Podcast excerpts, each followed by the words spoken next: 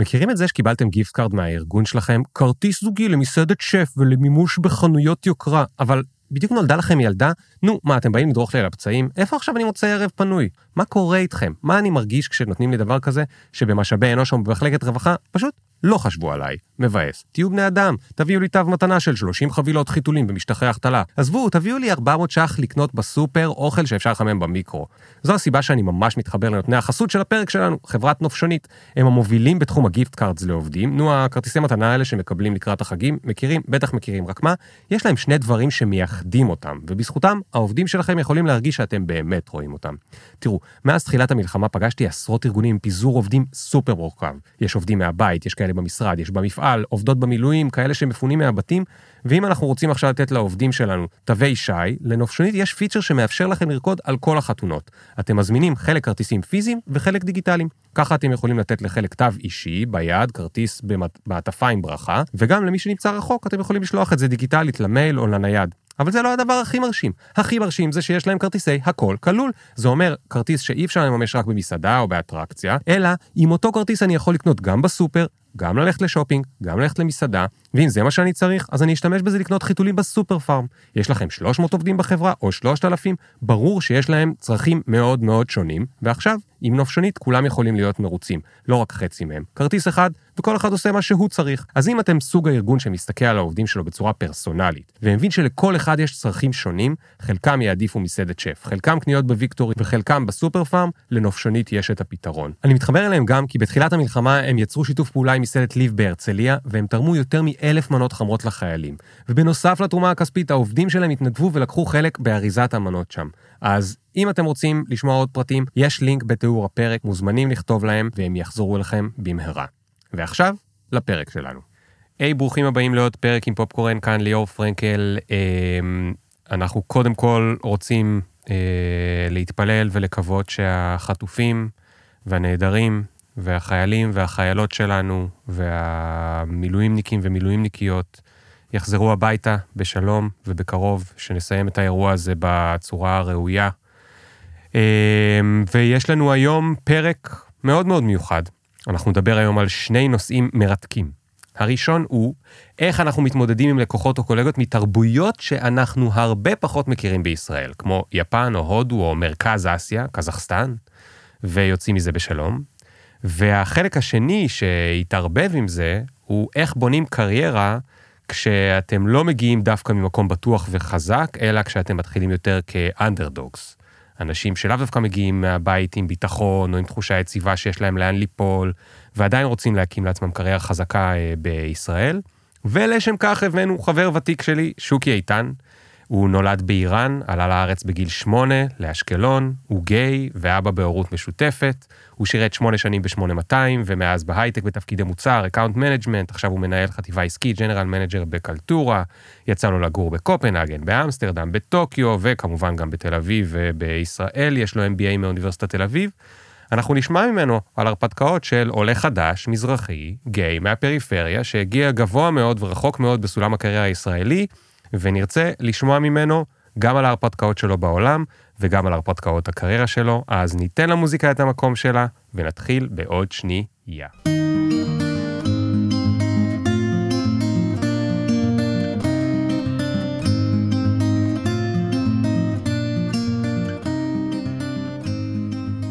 יפן היא ארץ אה, מאוד מיוחדת, ובין השאר היא מאופיינת בזה שיש פעילות אה, גיאותרמית ווולקנית מאוד עשירה, כולם יודעים את זה. ולכן כמעט בכל מקום יש uh, הרבה אונסנים, מעיינות חמים טבעיים, או uh, רוטמבור, או אונטמבורוז, uh, שזה בעצם מעיינות חמים שנמצאים בחוץ, באאוטדור, ובאחת הפעמים, כדי לעשות בונדינג, הלקוח שלנו ביפן, סדר גודל של שבעה אנשים, וגם הסיסטם אינטגרטור, לקחו אותי, רק אותי בתור הישראלי היחיד, השאר נשארו לעבוד, לאונסן. היה מאוד נחמד, מעיין, אני... מעיין חם כזה. מעיין uh, חם, טבעי, במרחק של איזה שעתיים נסיעה מטוקיו, מקום מאוד מאוד יפה. אני קצת, uh, I was caught uh, uh, off guard, לא באתי מוכן ב-100%, אני באתי, שמתי את הבגד ים שלי בידיעה שאתה נכנס לאונסן עם הבגד ים שלך, ואני רואה, רצים לכיווני שבעה יפנים ערומים מהצד של הלקוח והסיסטם אינטגרטור, עם מיטלטליהם, שלא לומר עם מדלדליהם, ערומים. בחוץ, ערומים כביום היוולדם, וואו. ואחד מהם צועק לי, שוקי סאן, מיזיגי וארי מאסן. ואני שואל את הבחור שלנו ביפן, קנזקי סאן, what does it mean? מה, מה הולך ליפול עליי עכשיו? ואז הוא אומר לי, שוקי סאן, take off your swimming suit. אה, ואני לא רציתי, אתה יודע, אחד הכללים הראשונים ביפן זה שאתה לא יכול להביך את, ה, את הקולגה שלך, את הלקוח שלך, וישר אה, בצעד מאוד כאילו אינסטינקטיבי. הכבוד. הורדתי את הבגד ים, אה, ממש לא, לא ייחסתי לזה חשיבות, זה מאוד קשה, כן? כן. ונכנסתי איתם לאונסן, הלכנו קדימה, אחורה, הסתובבנו באונסן ערומים, היה כיף, היינו שם איזה שלוש-ארבע שעות, וחזרנו לעבוד והכל היה כרגיל. וואו, וואו. כאילו, ואתה יודע, בדרך כלל מספרים בסיפורים היפנים, אוקיי, הם לקחו אותנו לשתות, שתינו וויסקי, שתינו זה במסעדה. גם זה יגיע. אבל זה, בסדר, אבל, אבל, אבל זה כאילו בערב ושיכורים וצריכים לסגור עסקה, אז אפשר לדמיין דבר כזה, אבל באמצע היום להיות ערום עם הלקוח שלך, לגמרי, וואו, מיוחד. וואו, וואו, וואו, וואו. אה, טוב, שוקי, לפני שנדבר על קזחסטן, עשית עסקים בקזחסטן. קזחסטן. מטורף, ובהודו, ונ- ונלמד שם על כל מיני סיפורים. עלית מאיראן בגיל שמונה, אתה יודע, נכון. בימינו איראן זה מאוד אה, תופס את הסקרנות של אה, אנשים. מה, ספר בשתי מילים למי שלא יודע מה קורה שם כרגע עם הקהילה היהודית, עוד יש, אין, זה, מה, ומה היה כשהיית בן שמונה? למה החלטתם לעלות לארץ? כן. אז ההורים אה, החליטו להעלות אה, אותנו, אותי ואת אה, אחותי מאהבת אה, ציון, ממש פיורלי מאהבת ציון. מכרו את כל מה שהיה להם, שיחדו את לשכת ההגירה כדי שייתנו לנו לצאת מאיראן. סיפור אומנם קצת פחות דרמטי מלא בלי ביתי. אה, יצאנו לאוסטריה, היינו שם אה, סדר גודל של חודש, ודרך הסוכנות היהודית אה, עלינו לארץ. אני ממש זוכר את ה image הראשון של נחתנו, אבא יורד עם שתי מזוודות, באנו לארץ עם שתי מזוודות, אומר תנשק את האדמה הקדושה הזאת, וזה מה שעשיתי, באמת מאהבת אה, ציון. כרגע באיראן יש סדר גודל של, אה, אם אני זוכר נכון, 15 אלף יהודים, אה, קצת פחות מזה. בעבר קהילה יהודית מאוד מאוד ענפה, 350, 400 אלף אה, יהודים, וואו. לפני המהפכה ב-79, ורובם התפזרו ללונדון, פריז, לוס אנג'לס, ניו יורק וחולון. רוב הקהילה היהודית באמת האיראנית בארץ יושבת ב, בחולון. אני מאוד רוצה לחזור לשם, אני מאוד אופטימי שגם בימי חיי אני אוכל לחזור לעשות אה, טיול שורשים. לאיראן. כן, כן. תגיד, ה-15 אלף שחיים שם, איך הם חיים שם? הם לא מתים מפחד? אז אני, אני חושב שהשנאה אה, שם היא לא כלפי היהודים, אלא כלפי ישראל אה, והציונות. הציונות. אוקיי. אנחנו חיינו יחסית טוב, אמנם גרנו בשכונה יהודית, ואני למדתי בבית ספר יהודי ו- וכולי. אני לא זוכר, אה, וגם ההורים שלי לא זוכרים את הקריאות אה, חריגות ש- Mm. שהיו. אז השנאה שלהם אה, מתועלת לכיוונים של ישראל והציונות, ולא, ולא כלפי... ההורים. שלך עבדו באיראן? עבדו, עבדו, עבדו בעבודות מאוד מאוד רציניות. אז הם, הם, והפסיקו אותם כדי לעלות לישראל? כן, והיו עולים חדשים פה. אז זה באמת פרום סקרץ'. כן, הם באמת דור אפס. אה, עד היום הם, אתה יודע, הם, הם באמת דור אפס, אני, אני הדור הראשון. אה, בבית אנחנו מדברים, אה, הם מדברים גם פרסית וגם עברית, אני עונה להם בעברית. זה ממש מצחיק, הבן שלי, יואבי, עכשיו החליט אה, לפני שנה שהוא מתחיל ללמוד פרסית, אז הוא מדבר איתם קצת פרסית. כמה הוא? 11, הוא יושב עם המחברת שלו, לוקח נוטס ומדבר איתם. פרסית. מה זה מתוק, וואו. מתוק אמיתי. כמוני, מסתובב עם האטלס כל הזמן ביד. אז אתה יודע לדבר פרסית שוטף אם אתה יודע, רוצה. כן. Mm, כן. אוקיי, אוקיי, אוקיי. טוב, אז עליתם לאשקלון, ואני מניח שאתה יודע, הסיפורים כאילו לפגוש פתאום באשקלון, זה כמו הסיפורים שלך בשבילנו לשמוע עכשיו על יפן. לפגוש, לפגוש אשקלונים. לא, למרות שהם- לא אשקלונים, אלא הישראלים. כן, למרות שזה הרבה יותר main, מיינסטרימי, אבל התרבות היא קצת אה, שונה. אה, אני התאקלמתי מאוד מאוד מהר, אני זוכר שתוך כבר אה, ימים דיברתי, אה, דיברתי עברית, אה, אבל זה קצת, אה, זה קצת שונה. ההורים שלי, אתה יודע, בפרסית יש את הדבר הזה שכשאתה פוגש מישהו, אתם מברכים אחד את השני במשך שלוש דקות. אתה, אתה יודע, אני אפילו שומע את אימא שלי לפעמים כשאני בבית, אה, מדברת עם איזה רחוק משפחה שמתחילים לדבר, שלוש דקות ברכות. וואט? כמה אתם יכולים לברך אחד את השני? הבנו, תמשיכו הלאה. ובארץ, אתה יודע, התכלס הישראלי, שמאוד מאפיין אותנו, כן. אתה ישר ניגש לעניין, אז uh, קצת יותר קשה להם. מה זה אבל- העניין הזה של השלוש דקות ברכות? כאילו, מה זה מייצג? הכ... הכ... כמה שאתה מדהים, וטוב לראות אותך, והעיניים שלך בוהקות, וזה, והאור שלך... איפה זה בא? זה... אה, האיראנים, התרבות הזאת, היא תרבות נורא נורא עדינה, ומכילה, ומכבדת, ולא אני, אלא אנחנו. Hmm, זה נורא מגניב, זה נורא מגניב. מדינה מאוד מגניבה, תרבות ענפה, מדהימה, היסטורית. אתה חושב שזה יכול לחזור אם השלטון שם אה, יתחלף בחזרה? אני בטוח. אני בטוח, nature will do its course, בסופו של דבר. אתה יודע, יש גם uh, עכשיו uh, את כל uh, uh, תנועת uh, נשים, uh, חיים, uh, חופש, האיראנית שהיא תופסת uh, תאוצה בשנים האחרונות, ואתה רואה אנשים ונשים באיראן מסתובבות בלי רעלות בצורה הפגנתית. אתה רואה קריאות uh, בעד ישראל ברחובות ובעד ארצות הברית, אני עוקב בכמה קבוצות uh, אינסטגרם אחרי זה. אז אני בטוח שבסופו של דבר, הדבר הזה לא יחזיק מעמד הרבה זמן. הדור הצעיר, שהוא בטח חשוף, ל... בוודאות חשוף, בוודאי חשוף לאינטרנט ולאינסטגרם ולטיקטוק, הוא רואה מה קורה בעולם. כן. ייקח זמן, הטבע יעשה את שלו. הלוואי, הלוואי. אוקיי, אז, אז, אה, אז אני רגע, אני לא רוצה לעשות פה אלה הם חייך, אבל אני קופץ שנייה רגע לקלטורה, איפה שאתה עובד כרגע, כי אני מניח שרוב הסיפורים שלך במקומות מיוחדים בעולם אה, קרו כשהיית שם. אז רק נכון. תספר בשנייה מה אתה עושה שם.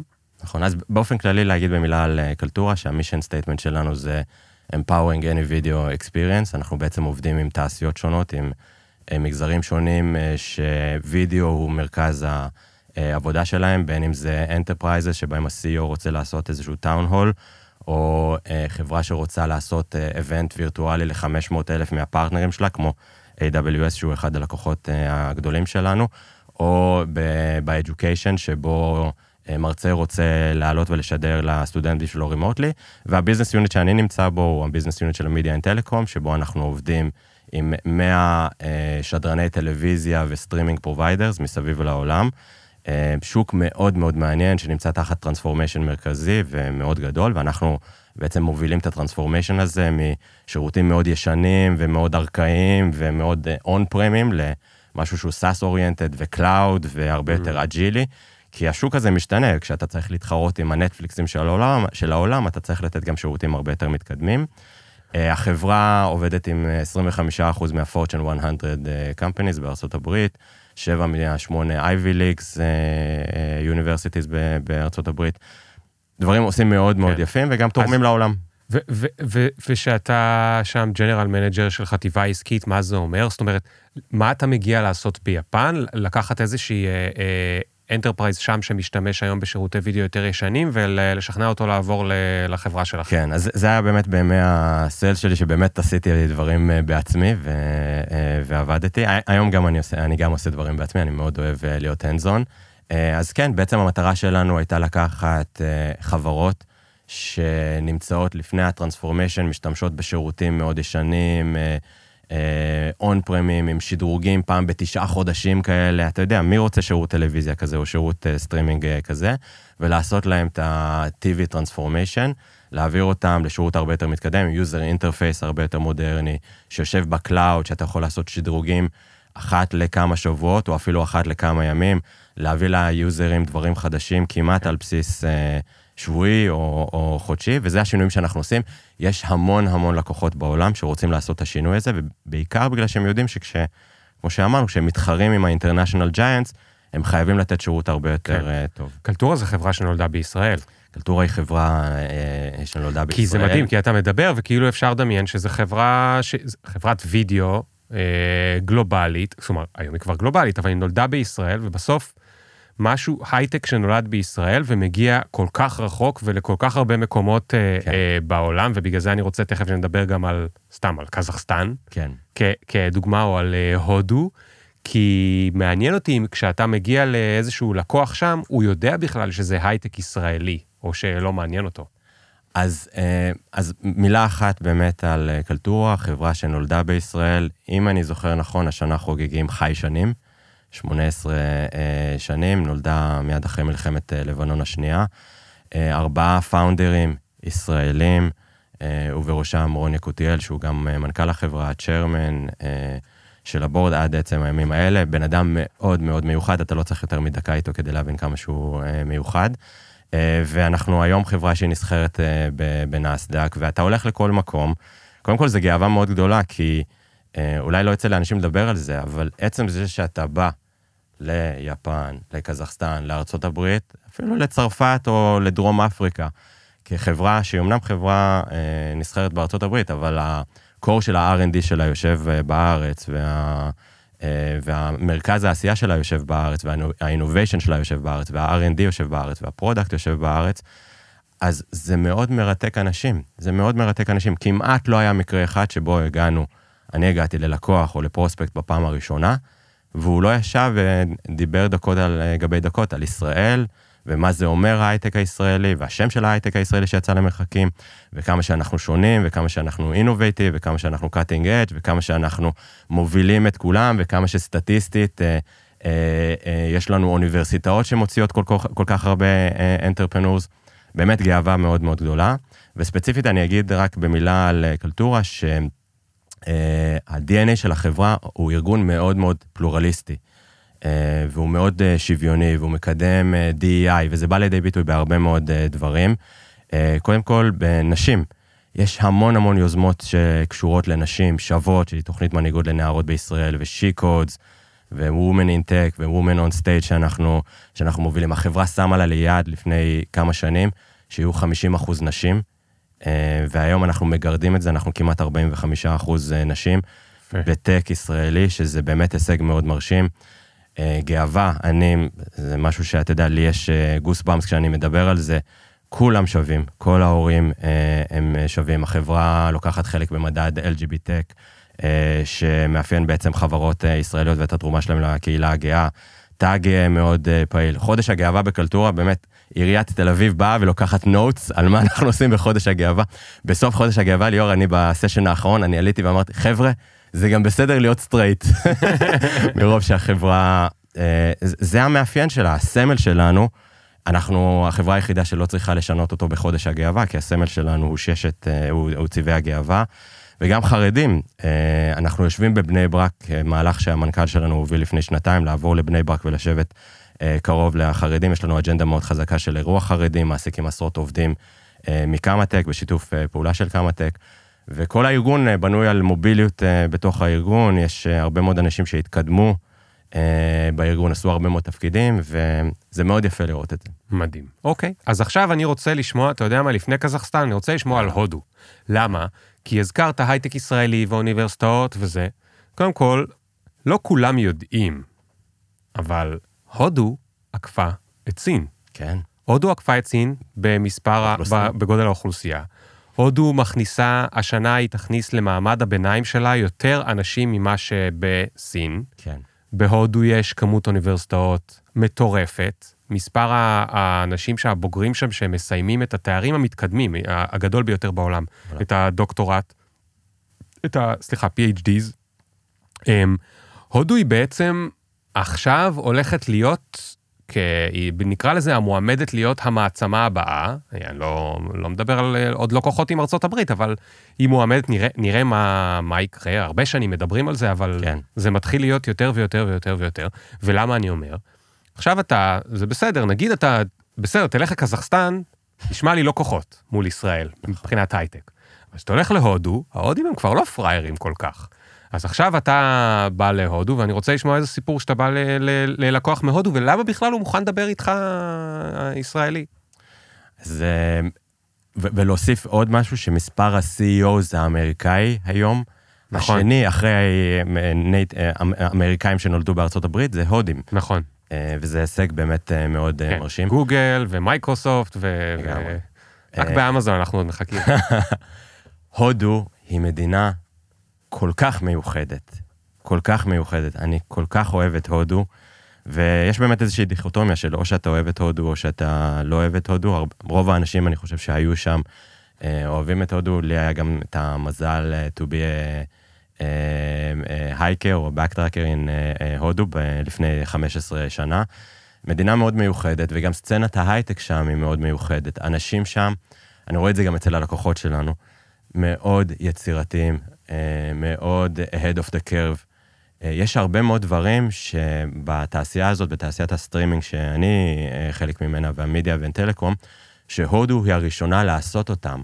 לפני שזה מגיע אפילו לארה"ב או למערב אירופה, וזה נורא כיף לראות את זה. כל מה שקשור ל-AI בחוויית הוידאו ואיך להפוך את הוידאו להרבה יותר personalized באמצעות אה, כלי AI, ולעשות אינטגרציה יותר עמוקה, זה מאוד חזק היום בהודו למשל, וזה הגיע רק בשלבים יותר מאוחרים למדינות mm. מערב אירופה. אה, כיף לראות את זה. אנשים נורא פשנט, נורא פשנט לגבי מה שהם עושים, והם גם נורא גאים בהיותם, אה, אה, בהיותם הודים. לצד זה, אני חושב שאחד האתגרים שיש שם, והוא באמת חקוק בצורה כל כך עמוקה ב-DNA ההודי, זה שהם תמיד מנסים לרצות אותך. אני, אנחנו רואים את זה גם כספק וגם כלקוח. כלומר, אנחנו רואים את זה גם במקרים שיש לנו ספק הודי שאנחנו עובדים איתו, יש לנו כמה ספקים אה, הודים שאנחנו עובדים איתם, והם פרטנרים שלנו שעושים אינטגרציה לתוך המערכת שלנו, ואנחנו רואים את זה גם עם הלקוחות שלנו, שמאוד קשה להם לבוא ולהגיד לא. מאוד קשה להודים uh, להתמודד עם סיטואציה שבה אתה אומר, אוקיי, יש פה איזשהו edge case שאנחנו חייבים להתייחס אליו, וה-KPIs הם כאלה וכאלה וכאלה, ואתה מסתכל עליו, ואתה רואה שנורא קשה לו להשלים עם זה. רגע, התחלת לדבר הודית. תגיד את זה למי שלא מדבר הייטקית. כן. אז למשל, אתה רוצה לסגור, דוגמה, אתה רוצה לסגור. חוזה ולהשיק עבור uh, לקוח, בסיוע פרטנר הודי שנותן חלק מהאקוסיסטם שלך, בעוד שלושה חודשים. כן. ואתה יודע שזה נורא נורא מאתגר. זה מאתגר גם אותך, אבל... פחות זמנים. נכון. זה מאתגר גם אותו. כמעט ולא יהיה מקרה, אני לא ראיתי מקרים שבהם הפרטנר ההודי שלך יבוא ויגיד לך, סורי, אני לא יכול לעשות את זה. אני לא אספיק. כן, אני לא אספיק את זה. למרות שבפועל חודשים. אולי הוא לא יספיק. ברוב המקרים הוא לא יספיק. אה, ו, ולנו גם לקח זמן להתגלח עם, ה, עם הדבר הזה.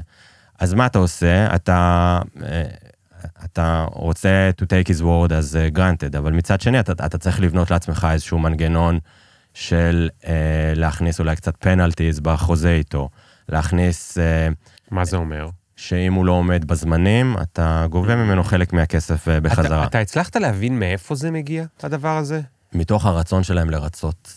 זה מתוך שם, רצון לרצות. יש שם רצון. זאת אומרת, זה לא כי הם מפחדים, אתה יודע, היה אפשר לחשוב, הם מפחדים שהם יפסיד, יפסידו את ה business. לא, זה לא, business אה, יבוא וילך, ו...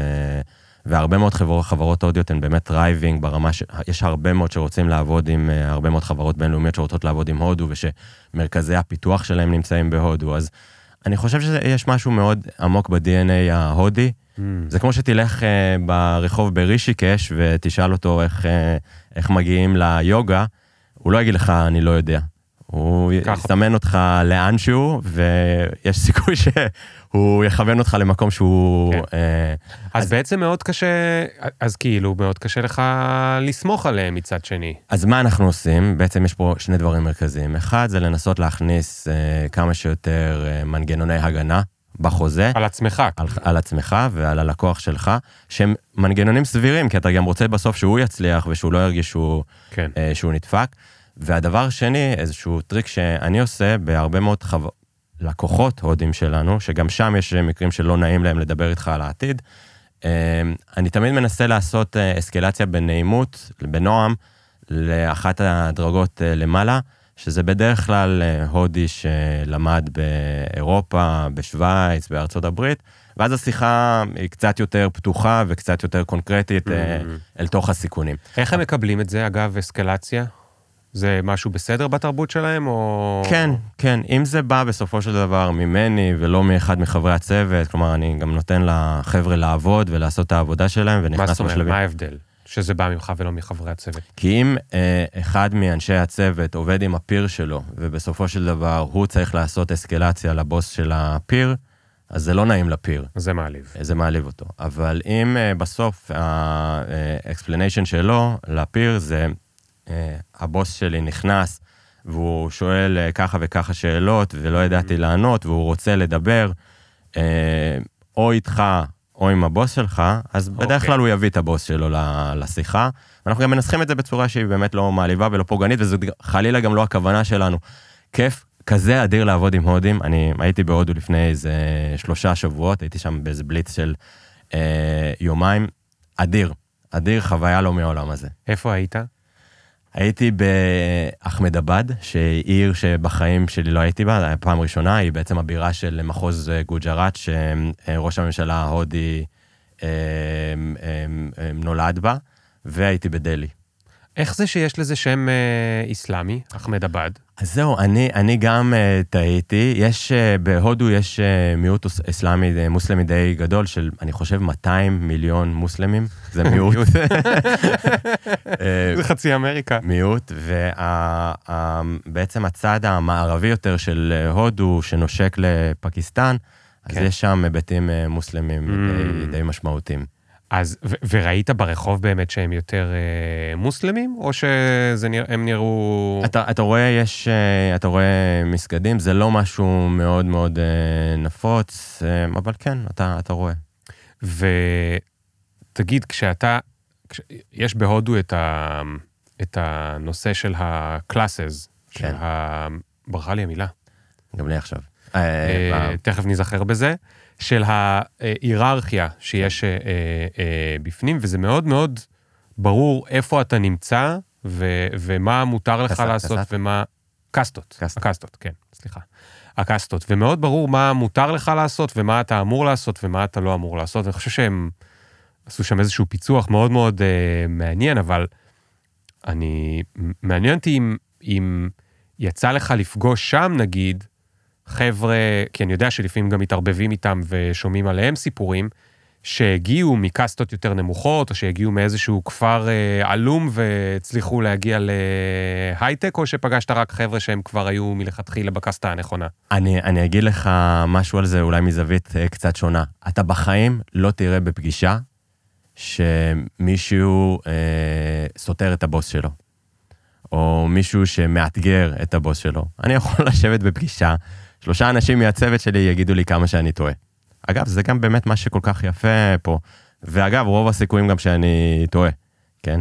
ושם אתה לא תראה את זה, אתה לא תראה את זה. אנשים מאוד מכבדים את ההיררכיה, מכבדים מאוד את זה שבסוף יש בוס, שהוא יודע מה צריך לעשות ושהוא מכווין את הדרך, וכנראה שבסופו של דבר צריך להתיישר כן, uh, איתו. כן. טוב, הם לקחו אותך לאכול משהו טעים? כל הזמן, כל הזמן. אני גם בור בלי תחתית. אני, ואני מאוד אוהב uh, לאכול ותרבויות uh, אוכל, נורא כיף לאכול בהודו.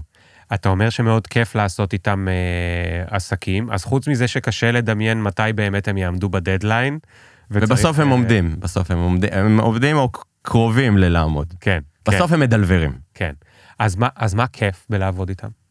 אז זה בעצם זה שהם נורא פשנט כלפי מה שהם עושים. אתה, אתה יושב לשיחה עם הודי, ואני גם בן אדם שהוא מאוד פשנט, אבל הוא כל הזמן נרגש, והוא כל הזמן חושב קדימה, והוא כל הזמן חושב על הדיפרנציאשן, והוא כל הזמן מסביר למה הוא הכי, הכי טוב, והוא כל הזמן מסביר למה הצוות שלו פה הוא הכי טוב.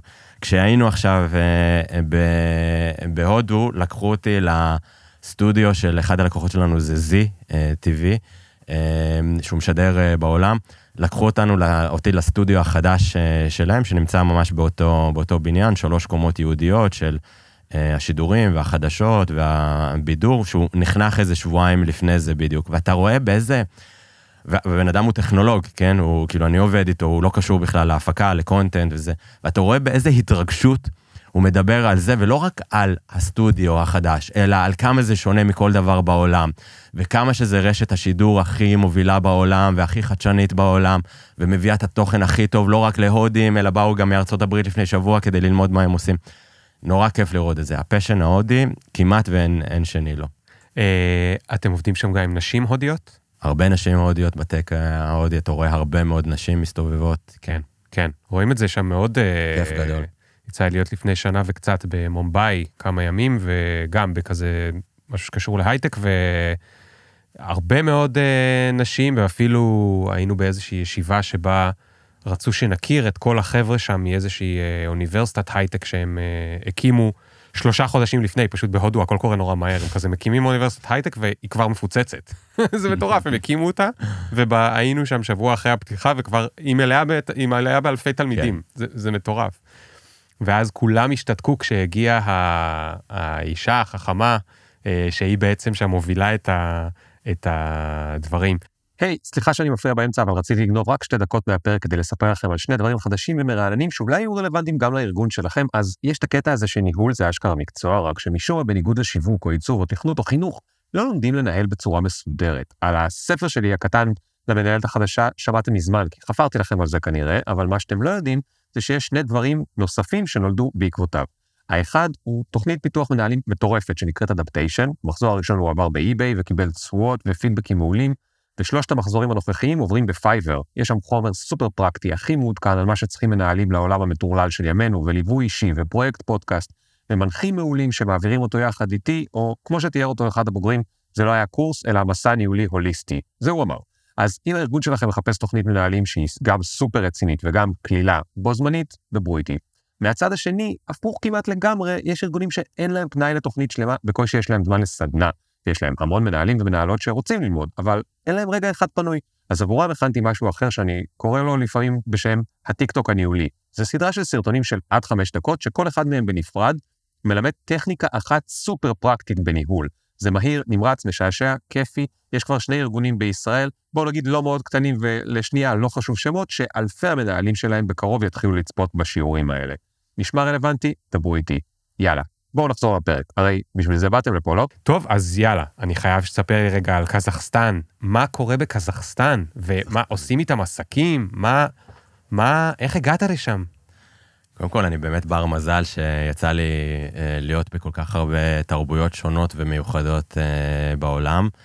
אה, כל מדינות מרכז אסיה, קזחסטן, אוזבקיסטן, שתי מדינות ספציפיות שהייתי בהן, אבל גם טאג'יקיסטן, קירגיסטן, יש עוד כל מיני מדינות כאלה. שגם משם, אגב, יש הרבה עולים ליש... הרבה מאוד. לישראל שעלו. נכון, הרבה מאוד, ו...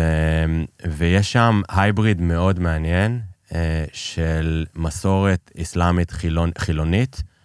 ואימפקט רוסי מאוד גדול, כי הרי כל המדינות האלה היו תחת השפעת uh, שליטת uh, ברית המועצות עד uh, סוף uh, שנות ה-80 או תחילת uh, שנות ה-90.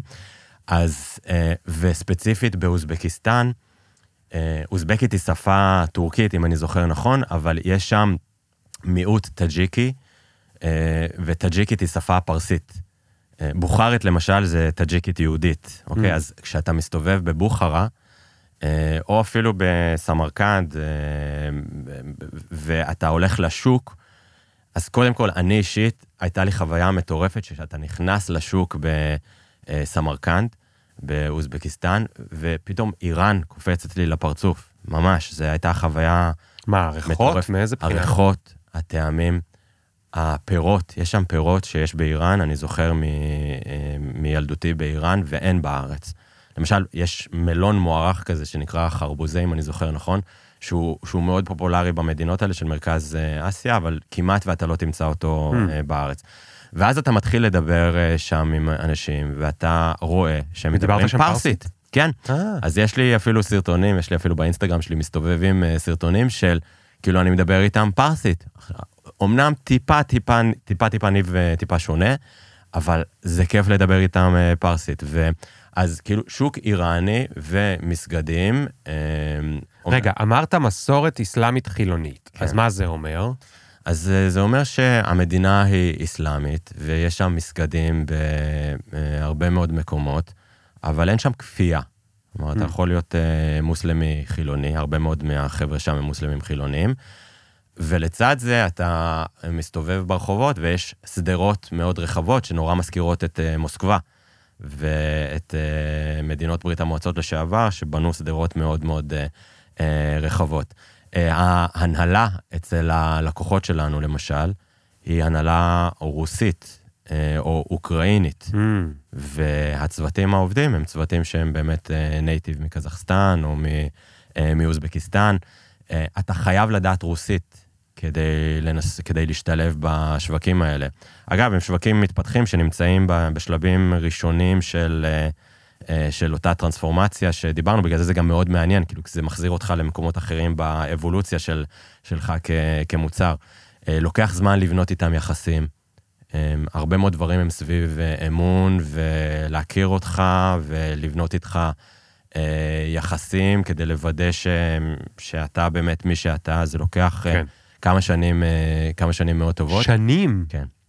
וואו. אז אנשים שעושים ביזנס שם צריכים... אבל אה, תגיד, אם הם בונים קשר עם מישהו מקלטורה, אז אחר כך האמון הזה יעבור אליך כשאתה ממשיך נגיד אותו בגלל שאתה מאותה חברה, או שצריכים קשר ספציפי עם שוקי? לא.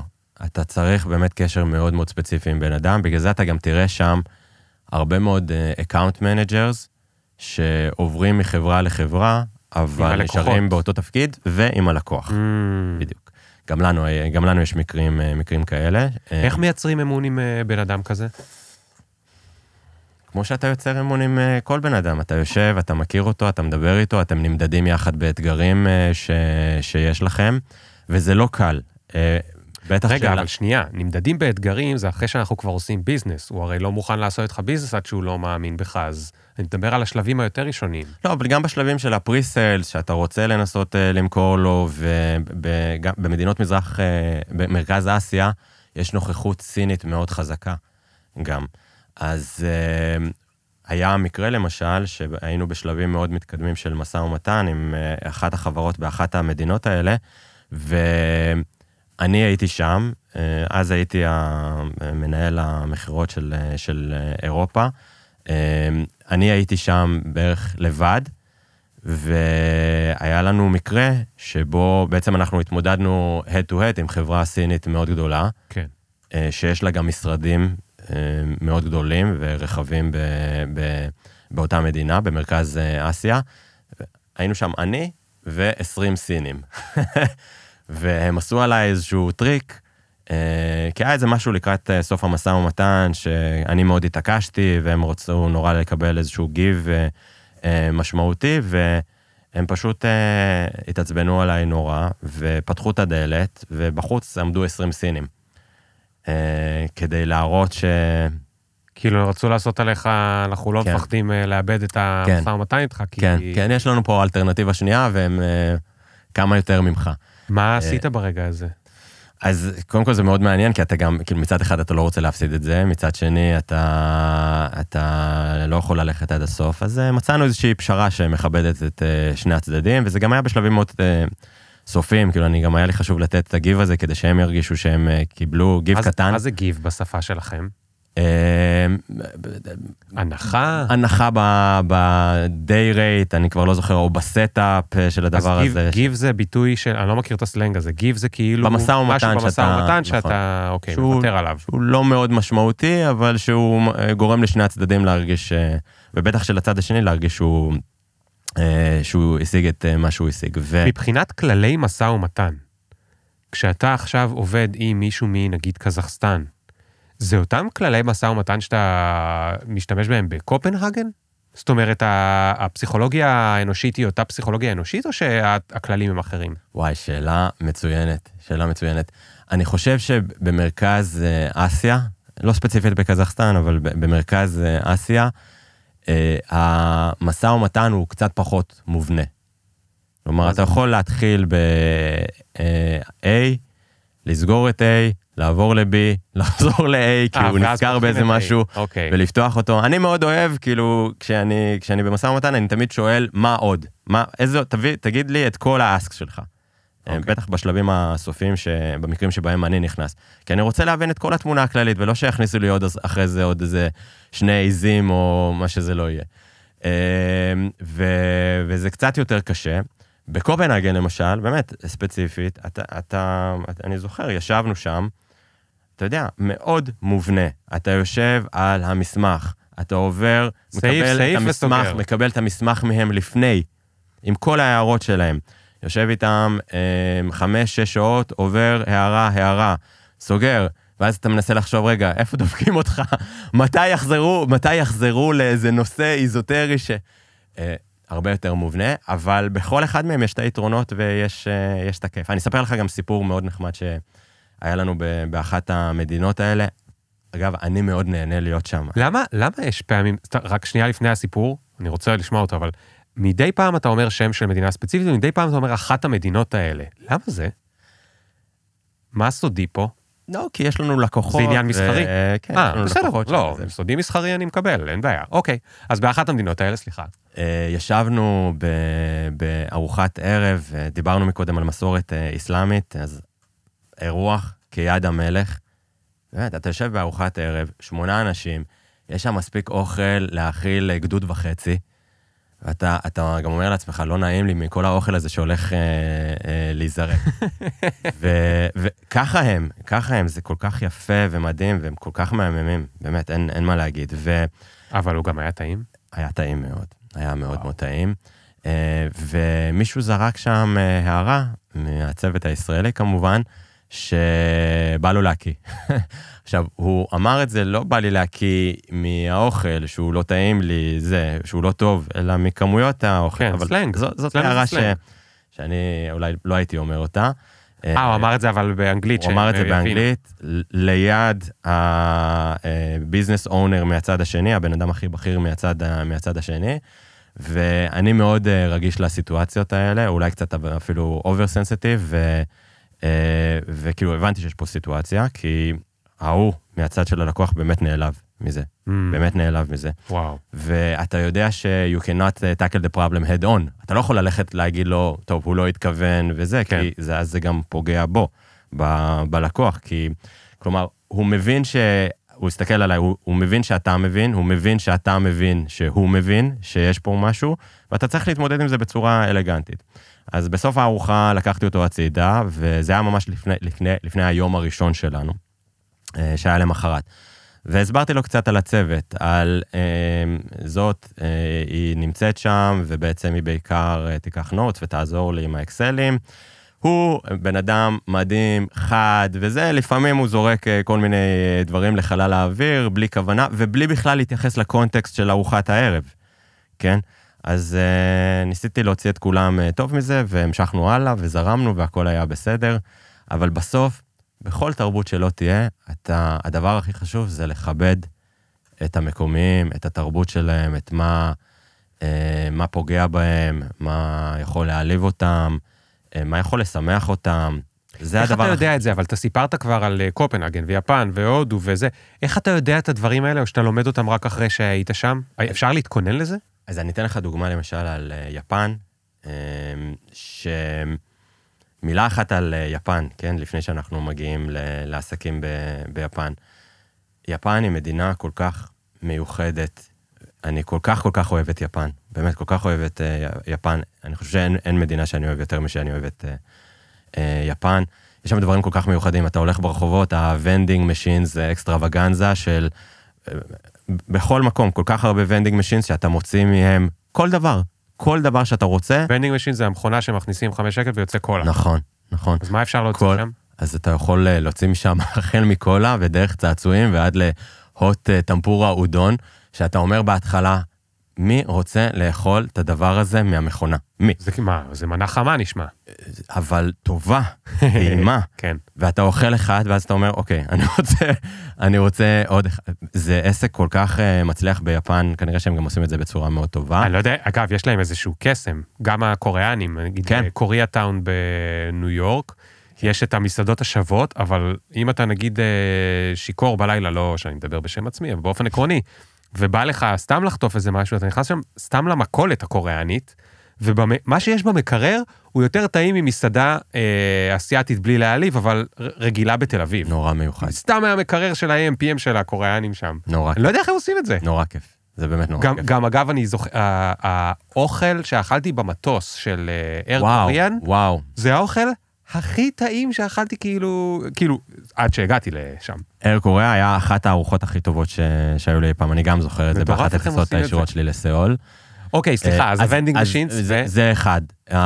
ההתמודדות שלהם עם edge cases, שאנחנו רואים את זה גם, אה, אנחנו ראינו את זה בפרויקט מה זה שלנו. edge case? תן דוגמה. אתה צריך להתמודד עם כל תרחיש איזוטרי, ושקורה ל-0.01% מהיוזרס. אוקיי. אבל עוד לפני זה, איך זה בא לידי ביטוי ברחוב? אתה הולך... אה, מה, שנגיד מישהו משתמש בטלפון נורא ישן והוא אמור לראות את הוידאו רץ שם?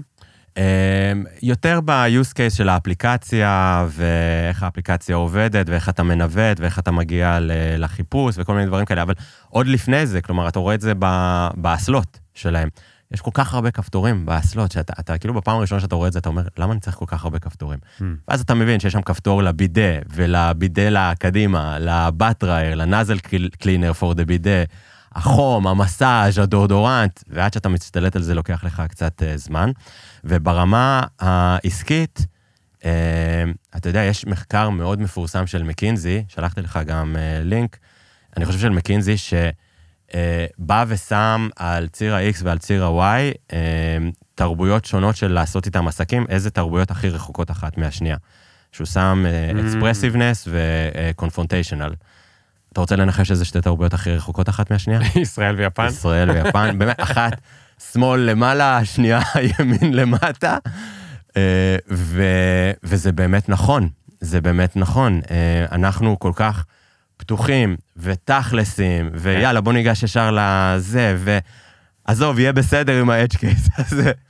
והם נורא נורא מתוכננים, נורא מהודקים, נורא, הכל צריך להיות בסדר ובשליטה, סדר אורדר ו- ושליטה, וזה אה, נורא מאופקים, נורא מאופקים. אני אתן לך איזושהי דוגמה ואנקדוטה ונחזור אה, באמת לביזנס. ישבנו פעם בארוחת אה, ערב, ועשרה אנשים, אני חושב חצי יפנים, חצי אה, ישראלים, ופתאום אני שומע צרחה מהצד השני של השולחן, מלווה במבטא ישראלי, take it away, take it away. הסתבר שהגישו לשולחן אה, איקיזוקורי, שזה בעצם אה, דג שמוגש חי, יש לו עדיין אינסטינקטים, חותכים אותו בצורה כזאת שמשאירה את האינסטינקטים שלו, והוא מוגש עדיין, עדיין חי, צרחות. אה, יש לי וידאו גם של זה, ו... אה, ואתה רואה את היפנים, הם אה, לא יודעים איך להתמודד עם זה, הם, הם לא יודעים איך להתמודד עם... עם הצרחות. קול, בטח אה, עם שלא עם... הרמת קול. בטח שלא עם צרחות. שהן באות בכזאת הפתעה בארוחת ערב, כן. שגם שם ארוחות ערב הן יחסית שקטות. ו... כאילו אם אתה סמוראי, אתה סמוראי, אבל אם אתה בארוחת ערב, תהיה בארוחת יש שם ערב. ממש אקסטרים, כן. ופשוט לקחו את הדג והחזירו אותו אחרי כמה שניות deep fried, מסכן הדג הזה ומה שהוא עבר באותו ערב. אה, אבל אתה, אתה רואה שבעצם, אה, ומי שצעקה, אגב, היא הכי מהממת והכי מדהימה והכי צ'ארמרית, ואתה רואה איך שתי תרבויות שונות מנסות לעבוד אחת עם השנייה. אז מה עשינו לשאלתך? הבאנו יועצת אה, אה, ישראלית ליפן, שיודעת איך להתמודד עם התרבות היפנית ואיך אנחנו מתמודדים עם סיטואציות ואיך אנחנו צריכים להגיב לדברים ואיך לענות למיילים. וגם הבאנו אה, שני בחורים ביפן, שני חבר'ה שלנו, של קלטורה, שישבו, שישבו ביפן ועזרו לנו עם, ה, אה, עם הדבר הזה. ובסוף אה, מהדבר הזה אתה מנסה להוציא כמה שיותר אה, טוב, אבל המסר שלי לגבי יפן זה שקודם כל, לכו תבקרו ביפן, תטיילו ביפן. זה משהו נורא נורא שונה. זה נורא השני- מצחיק, פעם זה היה נורא נורא נורא נורא נורא נורא נורא יקר, איכשהו ישראל נהייתה כל כך יקרה שזה כבר לא זה כזה יקר יפן ב- לא- ביפן. כן. אה, ולדעתי יש גם טיסות ישירות עכשיו. ו... אה, אבל תגיד רגע שאלה ספציפית. אם אתה צריך לכעוס על מישהו בביזנס, הרבה פעמים יש, אתה יודע, מישהו לא כיבד משהו, או משהו לא היה בזמן, או משהו זה, או לא הייתה חוסר הבנה, חוסר תקשורת, זאת אומרת, לאו דווקא מרוע, לפעמים מחוסר תקשורת. ועכשיו אתה צריך לכעוס על יפני. איך אתה, איך אתה כועס על יפני? נורא קשה. אתה, אתה לא יכול גם לכעוס עליהם, כי הם כל כך מהממים, שאתה לא יכול לכעוס עליהם. הם באים ממקום כל כך, כולנו, כן, אבל כן ואמיתי וקונקרטי של uh, לעשות את העבודה שלהם ו- to execute the project in the best way. Um, נורא קשה לכעוס עליהם. אבל אם צריך אבל- לשבור את הכלים, לפעמים, אתה יודע, לפעמים צריך להיפרד, לפעמים צריך... נכון, אז ב- במקרים כאלה, זה, כשזה באמת מגיע, אז זה באמת מגיע. אבל אתה מנסה כמה שיותר להבין אה, את הצד השני, להבין מה מציק לו, להסביר, לתת דוגמאות אולי ממקומות אחרים בעולם, כי גם הם רצו לצאת לוונדור בינלאומי, ולא להסתפק בוונדור מקומי שלא כן. יודע מה קורה בעולם. ולעבור איתם גם איזשהו תהליך, ולהעביר אותם איזשהו תהליך, אבל לעשות את זה בצורה... כלומר, אני בקלות אה, יכול למצוא את עצמי אה, חצי עצבן מול אה, לקוח אה, באירופה, שגם הוא מתעצבן עליי בחזרה, או בישראל, או... אתה רואה, יש סיטואציות כאלה, אתה גם מנהל משא ומתן, והמשאים ומתנים שלנו בשוק הזה הם אה, קשוחים, וזה קורה. ברור. זה קורה. ביפן, רק מעצם הנייצ'ר של האנשים, א', זה יותר קשה, ודבר שני, אתה, אתה מנסה להעביר אותם איזשהו, אה, איזשהו תהליך ולתת דוגמאות באמצעות דוגמאות מאוד מאוד קונקרטיות. והדבר השני, זה להשתמש בגורם המקומי שלך. אני חושב שמאוד קשה להצליח ביפן, א', בלי שלמדת את יפן, אה, ואיך לעשות עסקים יפן, הקלמנס של האנשים, ההשקעה שאתה צריך לעשות בפרויקט, השקעה מסיבית כדי לכסות את אותם edge cases ולכסות כל סצנריו אפשרי. Mm. אבל אה, אתה גם חייב מישהו מקומי שם, שיעזור לך וילווה אותך, ולפעמים אתה שולח אותו ואתה אומר, תקשיב, אני לא רוצה להתעצבן, אין על מה להתעצבן גם, כאילו זה, זה גם לא ישדר מסר נכון. תלך תסביר לו את מה שהסברתי לך עכשיו בצעקות. תתרגם את זה פשוט לשפה, גם ליפנית וגם לשפה קצת יותר, אה, קצת יותר רגועה. ו, ואז מסיימים את היום בתשע בערב, והולכים, באמת, זה היה מה, מהימים הקסומים שהיו לי. הולכים לקראוקי, קראוקי. ויושבים שם עד ארבע, ארבע וחצי בבוקר, ושוב, יש לנו מוטיב חוזר של אתה צריך לכבד את התרבות המקומית. אתה לא יכול לקום וללכת. אתה לא יכול לפייק. אתה לא יכול לפייק. אתה לא יכול לעשות כאילו משעמם לך.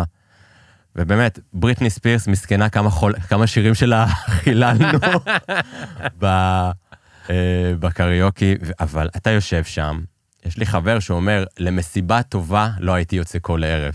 כן. שלא לומר לקריוקי כל ערב, אבל אתה יושב ואתה אתה באמת מנסה ליהנות מזה כמה, ש, כן. כמה שאפשר, ואתה יודע, גם אנחנו תמיד אנשים אה, בווייבים טובים, ואנחנו רוצים לעשות עסקים, אז אתה לומד מזה, וזה הרפתקאות וחוויות, ואתה נהנה, ואתה הולך לישון בחמש בבוקר, גמור, ושם שעון מעורר לשמונה וחצי, רבע. לתשע, כי אתה צריך להיות במשרד בתשע וחצי. וואו. איזה מטורף. הרפתקאות וחוויות ביפן זה משהו נורא נורא שונה. תגיד, אה, לאן הכי בא לך לחזור כשאתה מסובב את הגלובוס עם האצבע? אה, ליפן. באמת? כן, אני מאוד רוצה לחזור כי זה ליפן. נשמע מאוד מעניין ומסקרן וזה, אבל זה לא נשמע חמים ועוטף. אתה מבין מה אני אומר? אבל דווקא בגלל שזה לא חמים ועוטף, ליאור, וזה זה שונה ב-180 מעלות מ-anything that I know, אז uh, אתה אומר, אתה רוצה לתת לזה עוד, uh, עוד צ'אנס. אז יפן זה אחד. Uh, אני אישית לא יצא לי לעשות ביזנס ישיר, הצ- הצוות uh, שלי כן, החבר'ה שלי כן מסתובבים שם והיו שם והולכים וחוזרים בדרום אמריקה. אבל uh, אני כאילו תמיד במאחורה ועוזר בעורפית ונכנס בסוף אם צריך, אבל גם לעשות ביזנס בארגנטינה, ברזיל, אורוגוואי, Mm. נראה לי כיף, וואי, כיף מאוד גדול. גם לי- הרבה יותר פשנט, יותר אולי דומה לקווים, לקווים שלנו, אז זה אולי מתישהו גם יקרה. נשמע לי שם ה-edge cases זה בכלל לא... מעניין אף אחד. הם לא מת- הם לא מתעניינים יעבוד. בקייסס גם, שלא... כן, כן. איזה כיף. אה, אוקיי, אז, אז בואו נדבר קצת על הנושא השני שהבטחנו להגיע אליו גם.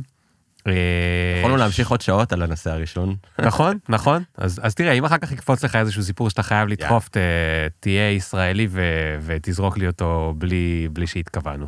אבל בואו נדבר קצת גם על חבר'ה שאו מתחילים את דרכם, או עדיין בונים את הקריירה שלהם. אה, כל מי כן. שמקשיב לפודקאסט הוא איפשהו בתוך המסלול קריירה שלו, והוא הוא מנסה לבנות אותו. ואני רוצה לדבר על אנדרדוגס. זאת אומרת, אה, אתה יודע, אתה גם עולה חדש, גם מהפריפריה, גם...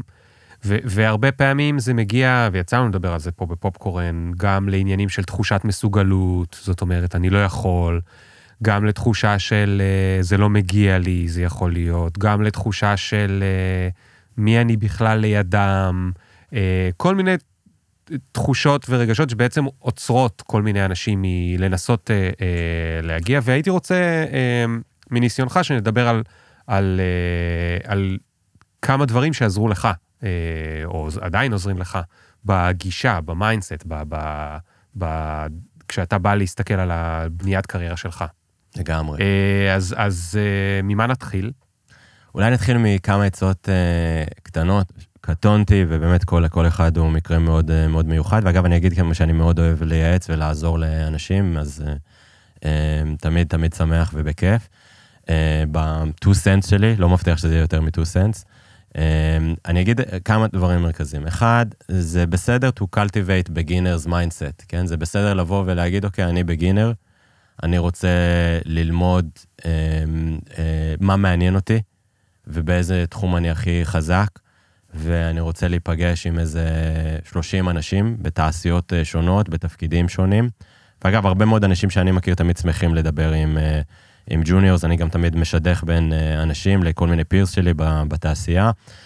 זה בסדר לעשות לעצמך סוואט. זה... זה מה בס... זה אומר לעשות לעצמך סוואט? לעשות לעצמך אנליזה של strength ו-weaknesses ו-opportunities ו-threats, ולבוא ולהגיד, אוקיי, בזה אני חזק, בזה אני פחות חזק. אה, זה משהו שאני חושב שאני יכול אה, ללמוד ומעניין אותי, ולכן אולי זה התחומים שאני צריך ללכת אליהם בקריירה. אתה יודע, יש, אה, יש איזה ציטוט מפורסם כזה, If your mind is empty, it is open to everything. אז כשאתה מתחיל את הקריירה שלך, ואתה בא, אתה טאבולה ראסה, ואתה בא נקי, לבוא ולחשוב יחד עם אנשים איפה אתה חזק, ולקבל mentorship, ו, ולעשות לעצמך self assessment, אם הקריירה שלך חשובה לך, זה must בעיניי. כן, כן. כלומר... אני חושב שהדגש הטוב שאני לוקח פה זה את הסיפור הזה של הביחד עם אנשים. לגמרי. כי הבי... לעשות את זה לבד, דווקא, זאת אומרת, מי שיכול, יכול. אבל אני, מה... מהניסיון שלי, ברוב המקומות, אם מישהו יש... יתיישב עם עצמו ויעשה לעצמו סלף אססמנט, אם יש לו עדיין, עוד אין לו את התחושת מסוגלות, אז הוא ישר יהיה לו בראש את הקולות האלה של אני לא יכול, אני מי אני בכלל, וזה, ואין לי סיכוי ו- וכולי. לעשות את זה עם אנשים, אני חושב שזה יכול לתת הרבה לגמרי, כוח. לגמרי. יש לי אה, פיר שחיפש עבודה לפני איזה חמש-שש שנים, והוא נפגש עם 120 אנשים. אז אמנם הוא היה קצת, אמנם הוא היה קצת אקזקיוטיב uh, לבל, uh, והוא חיפש גם כאילו לעשות משהו uh, שונה עם הקריירה שלו, הוא קרא לזה 120 שעות מיץ גזר. פשוט ישב עם 120 אנשים, אה, ו... ובסוף החליט מה הוא רוצה לעשות. אז לא צריך 120, אפשר גם עשרה. אז הוא מקים, אה, אבל... הוא מקים דוכן של מיץ גזר?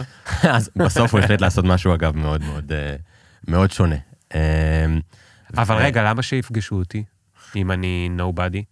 אני תמיד שמח. וכל פיר שלי בתעשייה, בין אם זה Chief Operating Officers, או CMOs, או General Managers במקומות אחרים, או VP Product, או מה שזה לא יהיה, שאני ניסיתי לשדך עם מישהו, כי מישהו פנה אליי ורצה לדבר, תמיד הסכימו לשבת לאיזה רבע כן. שעה, חצי שעה. אז מה, מה שאתה אומר זה שיש הרבה מאוד אנשים שהם כבר מוכשרים וכבר נמצאים במקומות מאוד מעניינים וגבוהים, והם ישמחו להיפגש עם אנשים, כן. רק צריך ו... לבקש מהם. לגמרי, וזה גם בסוף הזדמנות בשבילם, אולי הם מכירים מישהו שהם יכולים לגייס כן. בסוף לאחד. ואיך מגיעים אבל לאנשים האלה? אמ, אז אפשר לפנות בלינקדאין. זה כן. היום שהכל כל כך שטוח, ומיילים כן. ווואטסאפים כן. והכל זמין. אתמול, אתמול רציתי להשיג טלפון של מישהו שהוא אה, בסייקל הרביעי שלי, אה, ותוך שעה היה לי את הטלפון שלו. אז הכל, הכל אפשרי, אתה רק צריך לרצות. כן. צריך אגב, לרצות טיפ, ולא. טיפ מאוד אה, זה, אם מישהו עכשיו מקשיב ואומר, ושוב, זה לא משנה אם זה היא ג'וניורית, או היא עכשיו... אה, בת 50 אה, והחליטה שהיא רוצה לעשות איזשהו שינוי כן. קריירה. לא צריך למצוא עכשיו 30 אנשים או 50 לא אנשים צריך. בכל מיני מקומות, צריך למצוא את הראשון, ואז בסוף להגיד לו, מי עוד אתה יכול לשדך לי שאני אשב איתו. לגמרי. ואנשים שמוכנים לשבת איתך, תמיד יש להם גם רעיונות והם גם נדיבים והם גם זה מלכתחילה, ובגלל לגמרי. זה הם מוכנים לשבת איתך, והם ייתנו לך את הבא בתור ואת הבא בתור ואת הבא בתור, ו- ו- ואני מאוד מאוד מאוד מאוד... אה, מזמן, מזמן, פעם שהייתי קטן, לפני, לא יודע, 15-20 שנה, היה לי כזה, פתחתי כזה landing page, כשוויקס רק התחיל וזה, היה כזה landing page של, אה, לא זוכר איך קראתי לזה משהו, פגישות קפה, עם כזה צור קשר של מי רוצה לשבת איתי לקפה. ואתה יודע, מילאו את זה, זה שני אנשים, לא, לא היה לי למי לשלוח את זה, אבל השני האנשים האלה שמילאו את זה וישבתי איתם לקפה, אז חיברתי אותם למישהו אחר, שחיבר אותם למישהו אחר, שחיבר אותם למישהו אחר, וזה, יש בזה כוח כל כך חזק. במיוחד בישראל, שאנחנו מאוד חזקים ב networking, וחבר מביא חבר, ו... נכון. אז צריך לנצל את זה ולא צריך להתבייש, אין מה, אין מה להתבייש, במיוח... שוב, במיוחד אם אתה אה, צעיר והקריירה שלך חשובה לך. והדבר השני שחשוב לי להגיד בהקשר הזה, זה שאני אה, מאוד בעד שלא העבודה תחפש אותך, אלא שאתה תחפש את העבודה. זה קצת counter intuitive, כי אנשים חושבים שהם מחפשים עבודה, אבל הם הולכים ל... שתי האפשרויות הראשונות שקופצות להם בלינקדין או באיזה דרושים או משהו כזה. ו, אה, ואני חושב שזה מתחבר לנקודה הראשונה, שבסוף, כשאתה עושה market אה, research לעצמך, אתה מסתכל איזה שווקים מעניינים אותך, ובתוך השווקים, אתה עושה zoom in, איזה חבר, חברה או איזה חברות מעניינות. יש המון אינפורמציה שרצה בגלאסדור ובמקומות אחרים. ואתה עושה אפילו zoom in לתוך זה, ומסתכל על צוות בתוך החברה, והבוס, לעשות boss hunting דרך לינקדין, אה, זה לא, זה לא קללה, זה ממש ממש בסדר. ו... וככה, אני חושב, הסיכוי שלך לנחות גם על עבודה שאתה מאוד passionate לגביה, כי אתה עשית את ה market research והסתכלת על השוק, והסתכלת על החברה, והסתכלת על הצוות, ואמרת, פה אני רוצה להיות, כן. אז גם הסיכוי שלך להגיע לשם הוא אה, הרבה יותר אה, גבוה. נכון, ו- בגלל, ש- בגלל שבריאיון, או ב- כשאתה תשלח את הקורות חיים, אז אתה תוכל להגיד משהו שאתה יודע על החברה, כן. או על הבוסית הזאת, או על הזה, שאחרים לא ידעו, וזה מאוד מאוד מרגש מישהו שהוא איפשהו מנהל צוות, שבא אליו מישהו ואומר, אני חיפשתי אותך. לגמרי, ואתה יכול להביא את ה-value proposition שלך ולהגיד, אוקיי, הסתכלתי ואני חושב שפה אתם עושים נכון, פה יש לי אולי איזה עצה קטנה, ואנשים בסוף uh, מעריכים את זה, אני יודע להגיד שאני מאוד מעריך את זה, וגם בתור graduate, אני חושב יש לך מה לתת, אני אתן רק דוגמה אחת uh, מאצלנו, שלפני איזה שנה וחצי היה לנו איזשהו מקרה של uh, איזה סיניור שעזב, ובמקום זה אמרתי, חבר'ה, בואו נביא איזה ג'וניור. שיצא עכשיו מקולומביה, יוניברסיטי אה, או משהו כזה, ו... אה, ובוא, יש מספיק אנשים צעירים שרוצים להוכיח את עצמם, וגם לשלם קצת פחות, ואולי הבן אדם הזה גם יביא יותר value. והבאנו, בסוף בחרנו איזשהו ג'וניור שזאת הייתה העבודה הראשונה שלו, והבן אדם אש. כן. אש. כן. מביא תוצאות מטורפות, חושב, חכם, אנרגטי. אבל רגע, אני רוצה לאתגר אותך, אמרת שהוא הגיע מקולומביה אוניברסיטי. אמרתי בוא נביא מישהו, הוא ספציפית לא הגיע מ- 아, אה, אוקיי. מאיזה אייבי ליג, אבל, uh, uh, אבל בסוף אתה לא צריך שהוא יגיע מאייבי ליג כדי שהוא יהיה תותח. כן, על... כן. מה, מה אתה כן, בתור הצד המנ... של המנהל, מה אתה מחפש שכן יהיה לו? שיהיה לו טווינקל in his eyes, באמת, ש, שיהיה לו עיניים מנצנצות כאלה, שכשאתה מדבר איתו, זה באמת הכי חשוב לי יותר מכל דבר אחר. לראות שיש לו drive, שיש לו passion, אה, לראות את, ה, את, אה, את צורת החשיבה שלו, אה, ואיך הוא חושב. לי זה יותר חשוב מהוא עשה את התפקיד הזה, והוא הביא ככה, והוא היה קודם חיים. בתפקיד הזה, כן. אני חושב שהרבה פעמים ש... כשהקורות חיים הם מרגישים לך לא חזקים, כי, כי mobility, כי לשם התגלגלת, אוקיי? אז גדלת בפריפריה, ואתה היית ב-8200, אני מניח שבגלל הפרסית, אמ, אבל לא היית ב-8200, ולא היית שם ולא היית שם, אז אני חושב שלנסות שה... לעשות כאילו הקורות חיים נורא מרשימים, זה בכל אופן לא יעבוד. נכון. אז צריך למצוא איזושהי דלת אחורית גם ככה. נכון.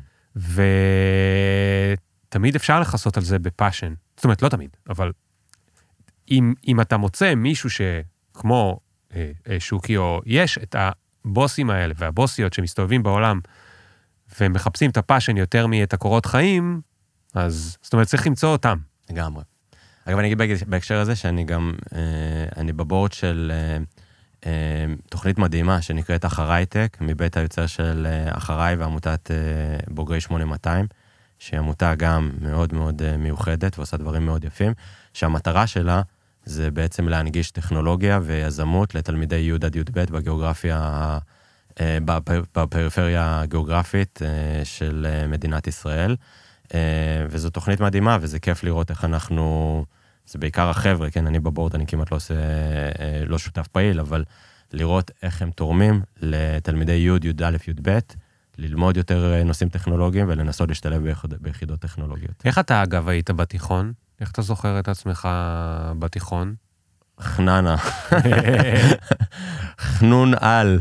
וכשהגעת לצבא, אז הגעת ל-8200, אז פגשת כבר, היית מאשקלון, והתחלת לפגוש חבר'ה מרמת השרון, ומהרצליה, כן. וזה, ואיך זה הרגיש?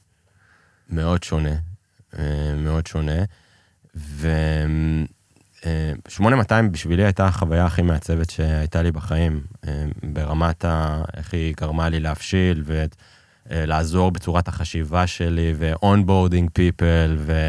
להוביל תהליכים ולהיות אה, change, change agent ולחשוב בצורה uh, מאתגרת ולהטיל ספקות במלא מלא דברים.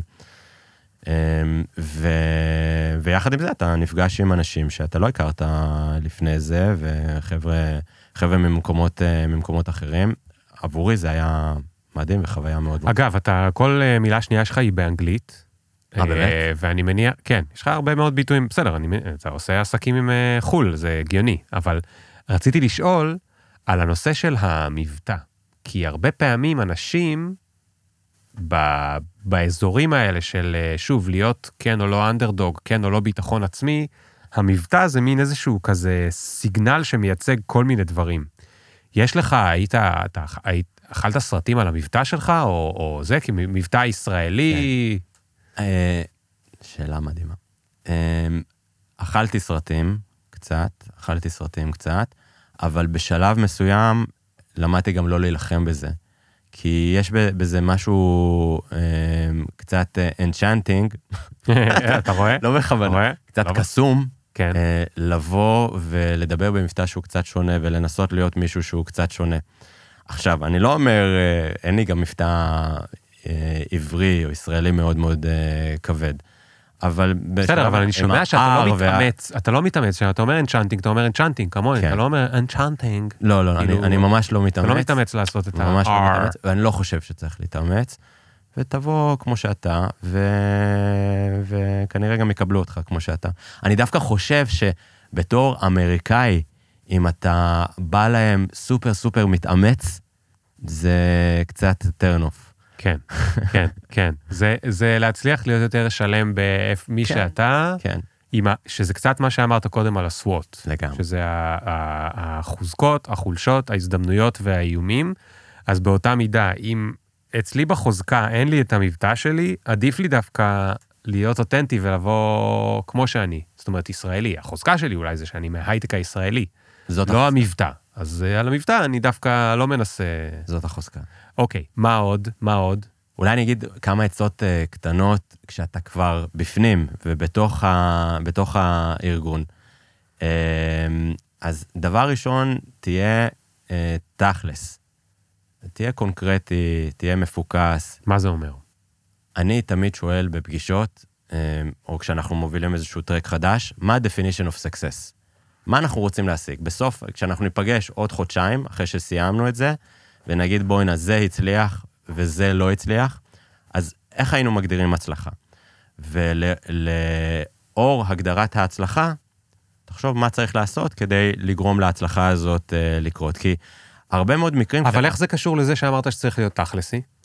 כי כשאתה מגדיר לעצמך, uh, יחד עם הצוות, מה ה-definition of success לאותה משימה, אתה גם יודע לגזור יותר טוב את, ה, את תתי המשימות שצריך לעשות כדי שהמשימה תצליח, כדי שמשימת העל תצליח. או אתה יודע לבוא ולהגיד איזה אנשים אתה צריך to onboard כדי שהדבר הזה יצליח. כי לא בסוף אה, האינטרסים של כולם aligned עם מה שאתה רוצה. כן. כן, כל אחד יש לו את האינטרסים שלו, בטח בארגונים גדולים וכולי. כן. אבל כשאתה מגדיר שאתה רוצה להגיע למשימת העל הזאת, ויש לה תתי משימות כאלה, ובשביל זה אני צריך את החבר'ה מהרכש, ובשביל זה אני צריך את החבר'ה מהליגל, שהוא באינטרס אה, אה, נוגד לחלוטין למה שהם עושים, או להיותם עורכי דין. אה, ואתה יושב איתם ומסביר להם, ולא נופל עליהם בהפתעה. ו... אז אני חושב שהסיכויים שלך להצליח הם, הם כן. יותר גדולים. אגב, אגב, זה כאילו קצת תופעת לוואי שזה, או, או במיני של מה שאמרת, אבל כשלי יש עובדים שאנחנו עושים איזושהי פגישה, ואיזה מישהו שם יש לו פתאום פרצוף כזה שהוא אומר כאילו וואי כמה פקה פקה, הוא לא אומר את זה ככה אבל הוא חושב לו בראש כמה פקה פקה, ואז הוא אומר מה ה-definition of success, זאת אומרת הוא אומר חבר'ה איך אנחנו נמדוד הצלחה, וזה לא אני המנהל, אלא זה אחד העובדים ואומרים את זה, פתאום אני בתור המנהל, קוראים לי שני דברים, אחד אני נורא מתבייש, וואי רגע אולי אין פה פוקוס, הוא צודק, ושתיים אני תופס ממנו יותר, אני אומר וואו יש פה בן אדם מומחה מטרה. אה, זה מאוד מרשים. אוקיי, מה עוד? זה מאוד מאוד חשוב. אמ, מה עוד? יש ביטוי כזה, The squeaky will gets the oil. אה, לפעמים, גם כשיש... רגע, תתרגם לנו בעברית. שהגלגל החורק, אה, עליו שמים את השמן. כן, אוקיי. את השמן מכונות במוסך. וזה נכון גם לחבר'ה צעירים שנכנסים ל, ל, לארגון גדול, ולפעמים צריך לקפוץ על הזדמנות. גם אם היא לא מתאימה אה, לך, ויכול להיות שלא יבחרו בך, אבל לפחות you stepped up ו, אה, ו, ו, ומכירים אותך, ועכשיו לא ייתנו לך את זה כי אתה צעיר מדי, או לא ייתנו לך את המשימה הגדולה הזאת, או את הדבר הנורא מאתגר הזה לסגור עם אה, לקוח אה, כזה, או עם אה, פרוספקט אה, אחר. אבל יזכרו אותך, יזכרו שקפצת, יזכרו שהיית פרואקטיבי, יזכרו שרצית לעשות אה, אתה אה, כזה? משהו. אתה כזה, בגלל זה אתה אומר את זה? אני מאוד כזה. את מה, אתה. כל הזמן קפ- הקפצת את עצמך על הזדמנויות? כן. ומה עשית כשאמרו לך, לך מפה ילד? אה, קודם כל, אה, אה, זה טוב שיש את האימפסס האלה, את המבוי הסתום הזה שאומרים לך לפעמים לא. לפעמים אני מתעקש עוד פעם אחת, ולפעמים אני אומר, אוקיי, בואו נחכה, ויבוא משהו יותר... אבל אתה אה, יותר טוב." נעלב? אין מה להיעלב, כי בסוף הארגון צריך לעשות מה שנכון לארגון. אם הארגון זיהה באותה הזדמנות שאני, אה, בתור, אה, לא יודע, סיילס דירקטור, לא הייתי עושה את זה הכי טוב, ומישהו אחר היה עושה את זה יותר טוב, ואגב, היו מקרים כאלה, כמו שאמרת, אה, כמו ששאלת, אז צריך לעשות מה שנכון לארגון, כי בסוף כן. כן. כולנו נמדדים לפי הצלחת הארגון. זה אגב, אמרת עכשיו משהו כאילו מאוד מאוד בבהירות, אבל אני חושב שכל כך הרבה אנשים לא נמצאים שם עם הקו מחשבה שלהם. עכשיו אני אבוא ואני אקפוץ על איזושהי הזדמנות ויגידו לי שלא, אז אני אחשוב שזה אישי, ואני אחשוב שלמה לא כן. נותנים להוא, ואני אחשוב שהבוס יותר אוהב את ההוא, ואני אחשוב, אני אחשוב כל מיני דברים, אבל לאו דווקא אני אגיע למחשבה הבהירה והפשוטה, שיש פה בסוף מערכת שמנסה להשיג יעדים, לאו דווקא בדרכים רק ישרות ומסודרות, יכול להיות בדרכים מבולגנות או שכן יש בהם דברים אישיים, אבל יש פה בסוף מערכת שצריכה להשיג יעדים. לגמרי. ואני צריך להבין מה המערכת, מה ש... כמו שאמרת על ה-definition of success, אני צריך להבין מה המערכת או הארגון או הצוות או המחלקה או האגף צריכים להשיג. ואם אני יודע להשתלב בתוך מה שהיא צריכה להשיג, אז גם אם יגידו לי פעמיים לא, אז פעם אחת יגידו לי כן, וזה ה... אתה יודע, זה כמו שיש אנשים שמפטרים אותם, והם חושבים שזה נורא נורא אישי. ברור, זה אישי, אוקיי. אבל הסיבה עצמה בדרך כלל לא הייתה אישית. נכון. הסיבה הייתה קשורה להתאמה ביני לבין מה שהארגון צריך כרגע, נכון. ויכול להיות שעכשיו הארגון לא צריך את מה שאני יודע אה, אה, לתת. זה לא בגלל שהם לא אוהבים אותי, זה נכון. לא בגלל שאני מעצבן. זאת אומרת, יכול להיות בגלל שאני מעצבן, אבל כנראה שזה לא בגלל זה. והמחשבה הבהירה שאמרת פה, היא נורא נורא נורא חשובה. לחשוב ככה, ואני אתן עוד טיפ אחד נוסף לזה. אה, אני לא יודע, עברנו לעצות קריירה כלליות, אבל אני אוהב את זה. אה, להבין מה ה-definition of success, אני כל הזמן חוזר על הביטוי שלך כדי שגם האנגלית תעבור, אבל מה היעד להצלחה של הבוס, הבוס שלי. שלך, נכון. זה מאוד חשוב. סופר חשוב. לא רק על מה מודדים, אמרת יפה מאוד. על מה מודדים את הבוס שלי. כשאני יודע על מה מודדים את הבוס שלי, אני יכול, זה עוזר מאוד בפוקוס מה להתמקד ומה לא להתמקד. מאוד מאוד חשוב. נכון לגמרי, מאוד אה, מאוד אה, חשוב.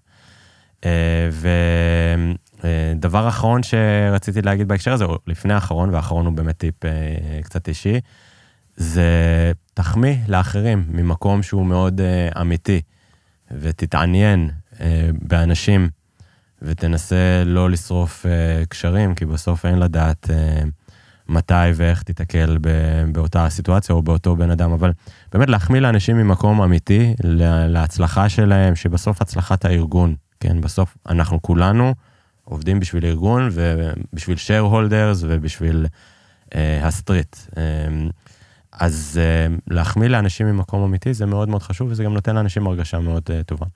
ודבר אחרון שאני רוצה להגיד, ופה אני הולך להפתיע אותך, אני, אני חושב, יש, אה, אני, אני רואה לפעמים ראיונות עם חבר'ה שבאים ואומרים, אני ישן ארבע שעות בלילה, אני הולך לישון באחת, קם בארבע וחצי, רץ. אני כל כך לא כזה, אני, אני ישן טוב. והעצה האחרונה שלי זה לישון טוב.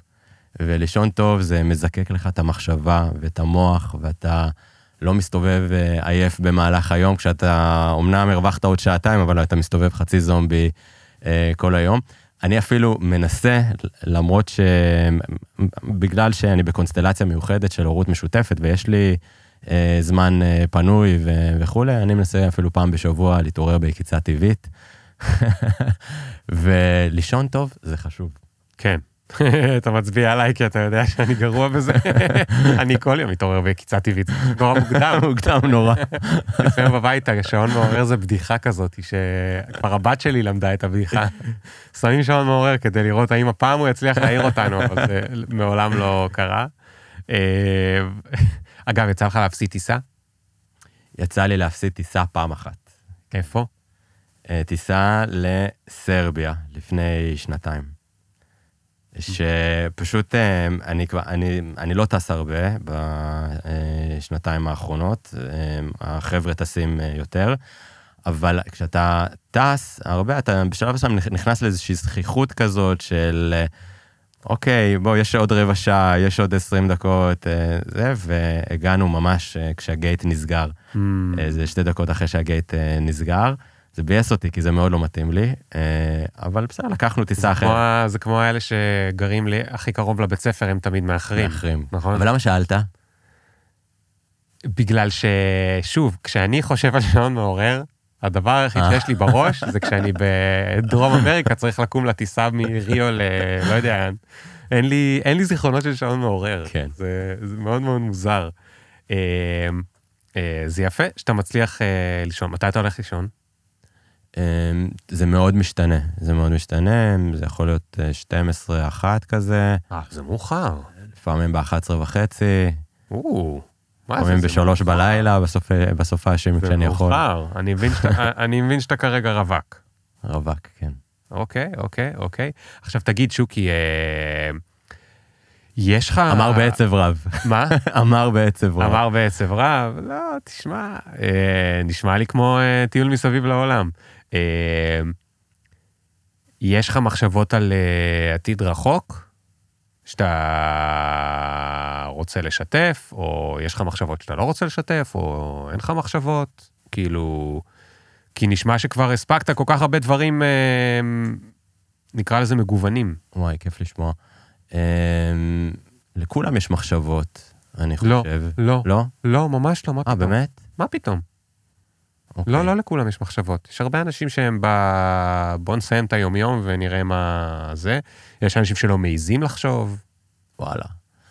אמ, אני, אני יכול להגיד שאני מאוד מפוקס במה שאני עושה עכשיו, ואני מאוד אוהב את מה שאני עושה עכשיו, ואת הצוות, ויש לי המון אתגרים אה, קומרשיאליים מאוד משמעותיים שהם נורא נורא מאתגרים אותי.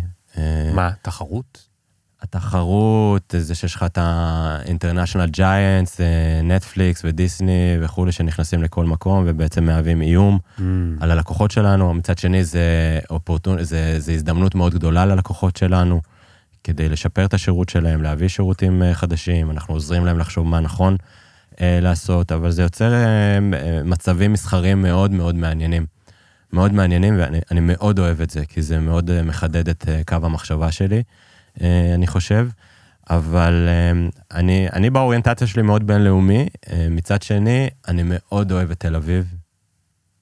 תל אביב זאת העיר שאני הכי אוהב בעולם, אני מאוד אוהב את ישראל, ואני פה, במסגרת ההוויה הישראלית שלנו. אפשר שאלה אחרונה אישית קצת? בבקשה. ההורים שלך בין החיים?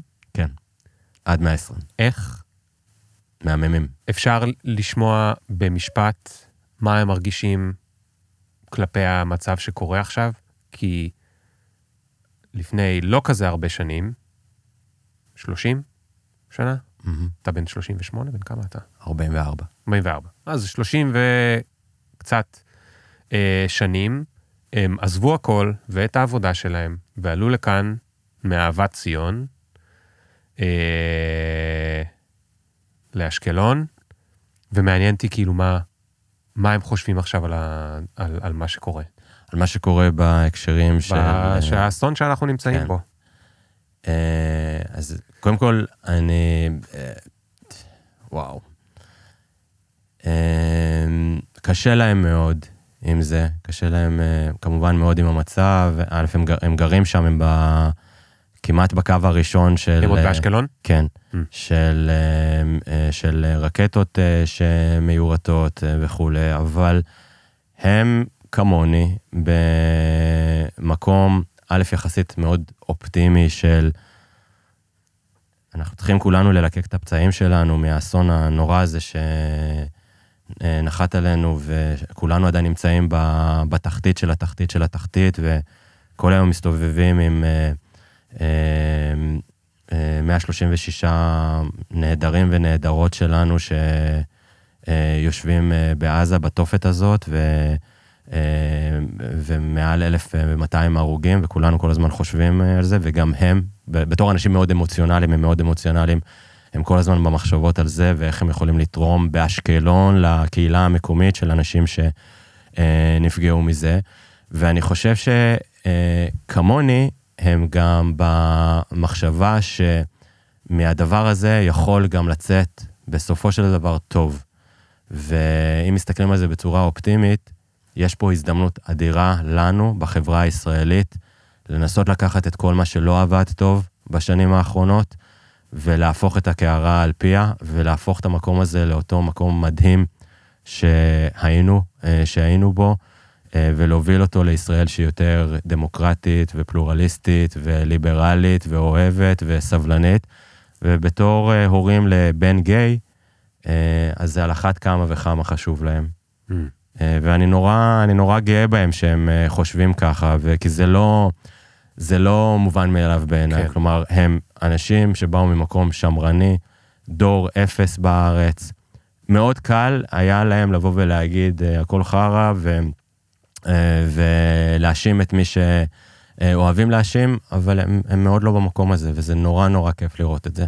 כן. ונורא כיף לראות שהם גם מסתכלים על הצד השני, אה, על זה שיש אזרחים גם בצד השני, ויש אה, אנשים טובים גם בצד השני, וצריך לזכור גם את זה. טוב. אתה רוצה ש... יש לך סיפור אחרון עם יפן, פתאום אני קולט שאנחנו מספרים, מסיימים באווירה מאוד זה. טוב. לשמור על הפעם הבאה. לא, אבל סיימנו באווירה אופטימית דווקא. נכון, נכון. זה כיף לשמוע, נתת לי קצת תקווה.